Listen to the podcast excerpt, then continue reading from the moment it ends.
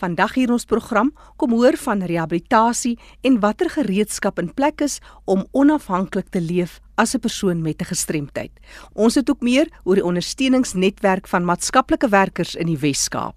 En later navrae van luisteraars oor die definisie van gestremdheid, hoe dit jou beperk en die redelike akkommodasie soos dit in die wetgewing vervat is. Maar eers ons nuus en inligtingspulsatie. Die Suid-Afrikaanse gebaretaal of SAGT speelkaarte is spesiaal ontwikkel deur die Nasionale Instituut vir Dowes, die NID, vir opvoedkundige doeleindes en om die Suid-Afrikaanse gebaretaal in gemeenskappe bekend te stel en te bevorder. 54 speelkaarte is uniek ontwerp met 'n variasie van mees gebruikte algemene gebare, uitgebeeld in kleurvolle illustrasies, asook met die beskrywende Afrikaanse, Engelse, Xhosa en Zulu woorde betekenis daarbey. Dit is geskik vir oud en jonk in jou besigheid of vir plesier en stel enige persoon in staat om basiese kommunikasie met dowes te kan begin. Hierdie stel kaarte is beskikbaar by die NID. Jy kan hulle kontak op die volgende telefoonnommer: woesterkode 023 342 5555 of stuur 'n e-pos na nid@nid.org.za om jou bestelling te plaas. Ek herhaal graag die telefoonnommer 023 342 5555. Hands of Autism is 'n organisasie en bied werksessies met die titel Building a Toolkit for Professionals in stede soos Kimberley, Johannesburg, Oos-London, Port Elizabeth en dies meer aan. Vir meer besonderhede oor die datums, die koste, die inhoud van die sessies en so meer, stuur jou e-pos na Lerato.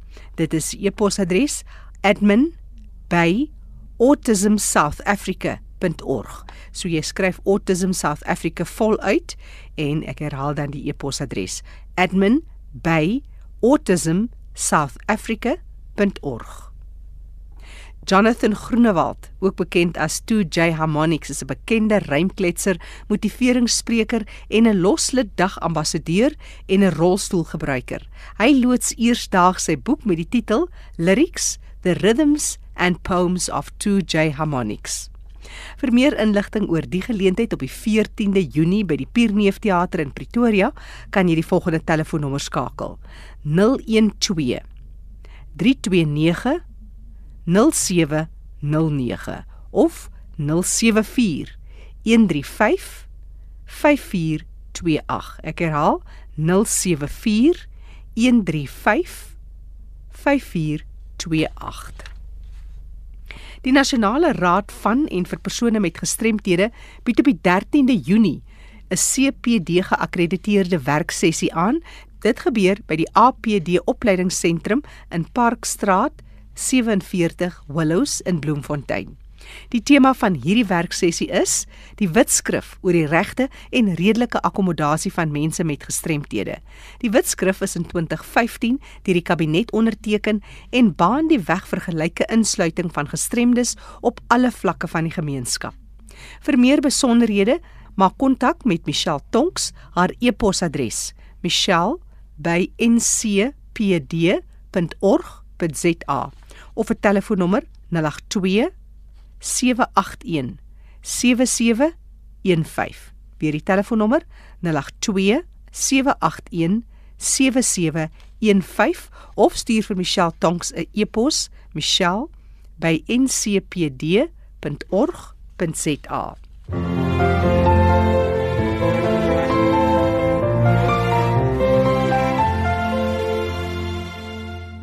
Dis die program Die Leefwêreld van die Gestremde waarna jy luister so op die Sondagmiddag saam met my Jackie January en Fanny De Tooy. Gepraat van Fanny De Tooy, ons sluit aan by Fanny De Tooy wat meer gaan uitvind het oor die rehabilitasie en die gereedskap om mense met gestremthede onafhanklik te kry. Kom hoor ook van die ondersteuningsnetwerk van maatskaplike werkers in die Wes-Kaap. Oor na jou Fanny. Baie dankie Jackie. Ons ontvang baie vrae van luisteraars oor die proses van rehabilitasie, die gereedskap wat ons vir mense met gestremthede gee om onafhanklik te kan lewe en te kan werk in die breë gemeenskap. En ek wil graag hierdie saak verder bespreek met Celesta Gerber. Celesta, welkom hier by RSG. Baie dankie Fani. Celesta, jy's 'n maatskaplike werker en jy het te doen met rehabilitasie en dienste by die die vereniging persone met gestremthede hier in die Weskaap. Vertel ons 'n bietjie meer oor jouself eerstens en dan oor die oor die vereniging. Ek het die universiteitsdiploma aan die Nisa en die Genote College verwerf in April 2000. Die afgelope 15 jaar is ek deel van die IPD familie, eers as maatskaplike werker by twee takke, Drakensberg IPD en amper 12 jaar by Tegerberg IPD en sedert 1 Maart 2018 is ek maatskaplike werkbestuurder by Weskaap IPD. Nou, my posisie behels onder andere meer op 'n bestuursvlak om ondersteuningsdienste te lewer aan die maatskaplike werkers by die takke. Onder andere die monitering van hulle werk, kyk dat hulle hulle werk in al die metodes van maatskaplike werk, volgevalle werk, groepwerk, gemeenskapswerk om in diensopleidings vir hulle aan, want dit is ook belangrik dat hulle toegerus moet wees met die nodige vaardighede om die besmoontlike dienste lewer aan persone met gestremthede. Nou daarom is dit ook belangrik dat ons hulle leerbehoeftes identifiseer en dan aanspreek tydens supervisie. En dan saam met dit gaan ook ondersteuning aan die bestuurskomitees van die IPD takke om vir hulle te help met strategiese beplanning, ondersteuning met betrekking tot personeel aangeleenthede, opleiding aan die bestuur en strategiese ontwikkeling. Uh, die maatskaplike werkers wat jy nou sê van die vereniging in die provinsie, waar is hulle geleë? Daar Weskaap IPD het 27 geaffilieerde takke oor die hele Weskaap. Daar is takke in die noordelike voorstede van Kaapstad, takke in die Weskus tot sover as Vredendal, daar is takke in die Boland waaronder Woester, Parel en Ceres en dan is daar verskeie takke in die Suid-Kaap. Ons verste tak op hierdie stadium is in Beaufort Wes. Nou IPD in die Wes-Kaap het tans 38 maatskaplike werkers, 4 maatskaplike werkbestuurders en 2 direkteure wat ook maatskaplike werkers is in diens. En dan hierdie maatskaplike werkers se hande word sterk gemaak deur die ondersteuning van maatskaplike hulpwerkers, gemeenskapswerkers en dan portierondersteuners of soos hulle meer algemeen bekend is as peer supporters. Ja, ons gesels met Celissa Herber en sy is van die Wes-Kaapse Vereniging van persone met gestremthede. Ons kyk na die proses van rehabilitasie, die bemagtiging van persone met gestremthede en hoe ons kan help dat persone met gestremthede weer onafhanklik kan leef. Maar daar's 'n vraag wat na vore kom van luisteraars ook oor die rol van die maatskaplike werker. Eerstens, kom ons kyk na die persoon wat onlangs dan nou gestremd raak. Ek wil ook hê ons moet kyk na die familie en die ouers van kinders met gestremthede. Maar kom ons praat eers oor die persoon met 'n gestremdheid self. Al maatskaplike werkers werk in 'n multidissiplinêre spanverband. So baie persone met gestremthede ontvang rehabilitasiedienste in die hospitaal nadat hulle gestremd geraak het. En wanneer hulle dan ontslaan word, sal die hospitaalmaatskaplike werker 'n verwysing doen na die naaste IPD tak vir verdere dienslewering. So die maatskaplike werker dien dan as 'n bron van inligting om vir vir die persoon self wat 'n gestremdheid het of dan vir die familie. Want ons dikwels hierdie oorweldige gevoel van moedeloosheid by persone met gestremthede omdat hulle nie weet waar of hoe om toegang tot dienste te kry nie. En dieselfde geld vir ouers van kinders met gestremthede veral as dit 'n uh, jong kinders is en waar die diagnose onlangs gemaak is en baie keer vind ons dat die dokters of die mediese personeel verduidelik nie so lekker aan die ouers wat hulle kind se gestremdheid behels of hoe dit die kind se funksionering gaan beïnvloed hê. So dan is die maatskaplike werker al 'n bron van inligting. Ons help ons doen navorsing, ons gee vir hulle inligting, ons probeer hulle ehm um, skakel met ander kundiges in die veld sodat hulle die bes moontlike dienste dan kan kry.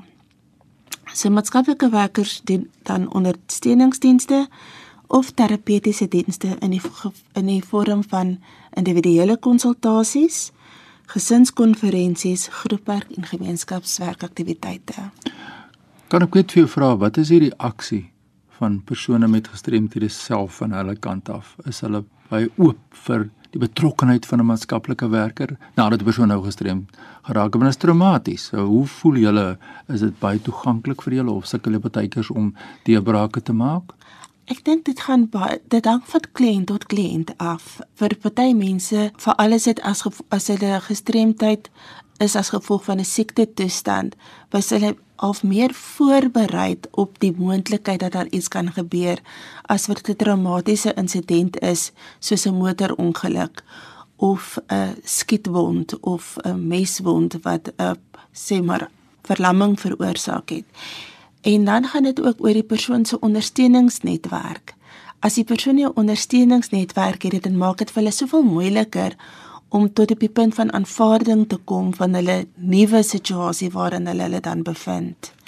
So daar is dit baie keer is kliënte ontvanklik afhangende van waarin hulle in die in die proses van aanvaarding van hulle diagnose is. Dit is ook belangrik dat wanneer die persoon uit die hospitaal kom, is hy nie meer 'n pasiënt nie. Ja. Dan word hy jou kliënt Ja. of 'n gebruiker van 'n rolstoel. Ja.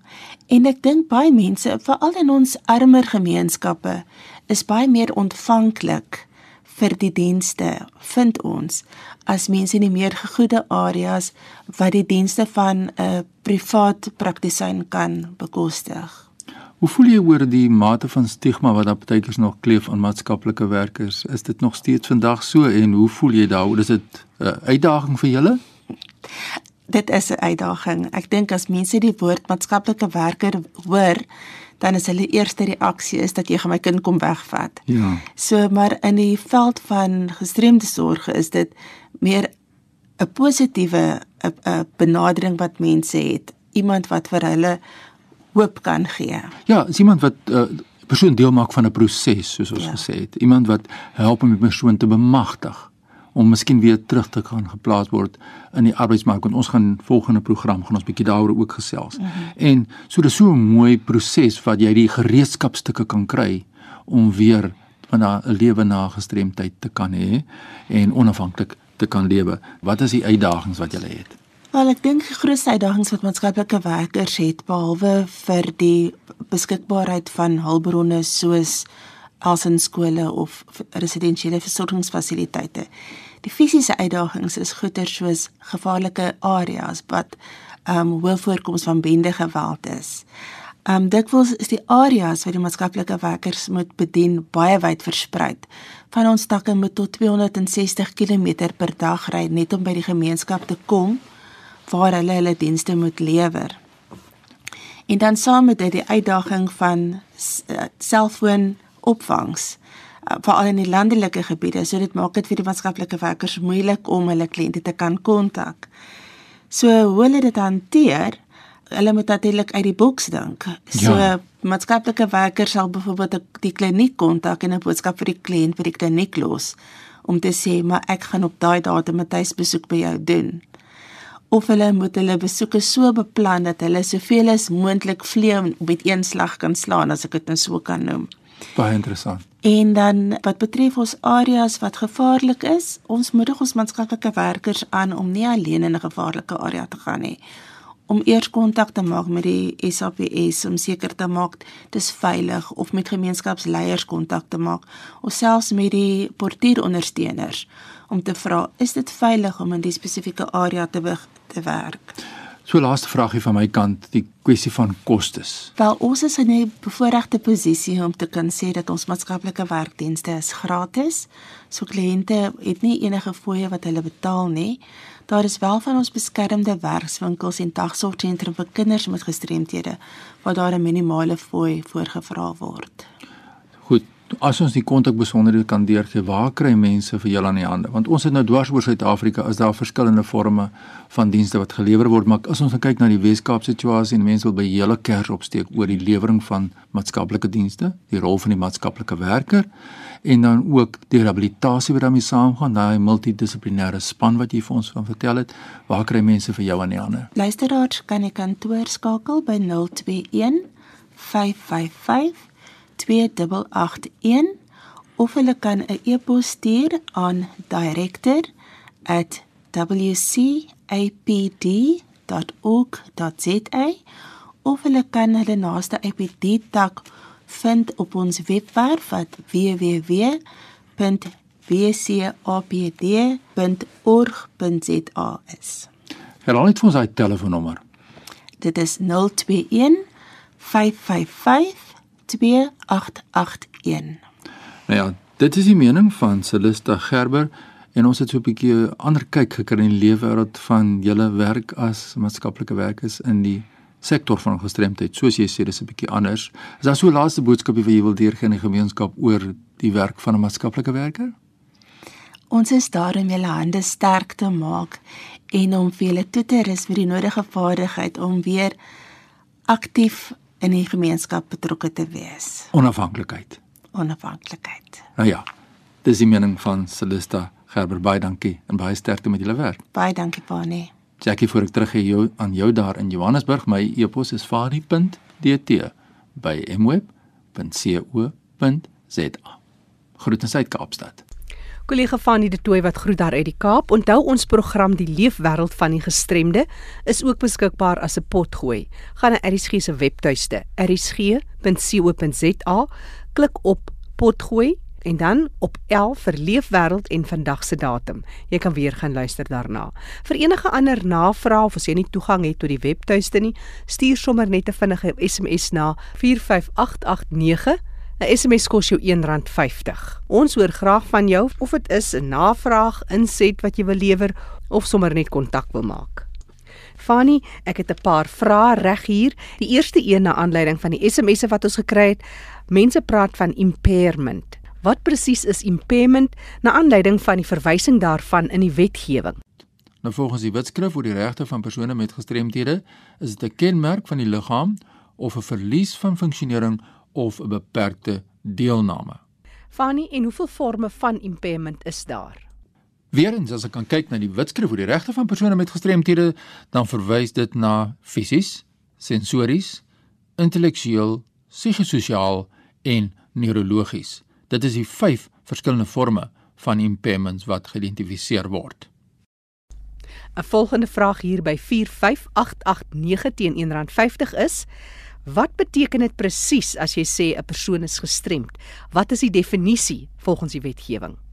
Volgens die VN-konvensie oor die regte van persone met gestremthede kan gestremdheid as sulks nie regtig gedefinieer word nie omdat dit 'n konsep is. Gestremdheid word van buite op mense met verlies of impairments afgedwing wanneer gelyke toegang geweier word of wanneer betrokkenes se regte ondermyn word deur die gemeenskap. En dit kan natuurlik verskil van plek tot plek of van omstandigheid tot omstandigheid. Alles hang dus af van die graad van die verlies en hoe die betrokkene met verlies se interaksie met die breë gemeenskap deur hindernisse weerhou word om op 'n gelyke grondslag te kan deelneem aan aktiwiteite binne die gemeenskap. Fani, 'n volgende vraag na aanleiding van gestremdheid en impairment. Watter struikelblokke bestaan daar wanneer gelyke deelname weerhou word, soos wat daarna in die wetgewing verwys word? Nou die struikelblokke, as 'n mens kyk na die Wetskrif oor die regte van persone met gestremthede, kan fisies van aard wees. Dit kan mense se houdings wees, dit kan 'n gebrek wees aan kommunikasie en dan die vierde een kan wees 'n gebrek aan toegang tot inligting soos vervat in die Wetskrif oor die regte van persone met gestremthede. Fanny, 'n laaste vraag. Ons praat van gestremdheid, impairment, ons praat van die struikelblokke en so meer. Watter forme van redelike akkommodasie kan in plek gestel word na aanleiding van wat die wetgewing voorstel? Nou die wet wetgewing en die Wetskrif oor die regte van persone met gestremthede verwys na vier verskillende forme van redelike akkommodasie. Eerstens is dit tegnologie, tweedens is dit hulpmiddels, derdens aanpassings wat gemaak kan word en ook dan vierdens verstellings wat gemaak kan word deur byvoorbeeld werkgewers wat mense met gestremthede op 'n redelike grondslag dan kan akkommodeer. Baie dankie aan Fanie de Tooy wat al hierdie navrae vir ons beantwoord het na aanleiding van die wetgewing ten opsigte van gestremdheid, hoe dit jou kortwiek en dan die redelike akkommodasie soos uitgespel in die wetgewing. Ek is Jackie January en ons groet met die program Die Leefwêreld van die Gestremde. Onthou dis as 'n potgooi beskikbaar op ERSG se webtuiste ersg.co.za. Klik op potgooi en gaan soek vir Leefwêreld onder L met vandag se datum. Vir enige ander navrae, enige ander kwessie wat jy graag wil belig, dalk die storie van 'n persoon met gestremthede, ons hoor graag van jou. Stuur 'n SMS na 45889. SMS kos jou R1.50. Bly ingeskakel op 100 tot 104 FM. Dis RSG waarna jy luister.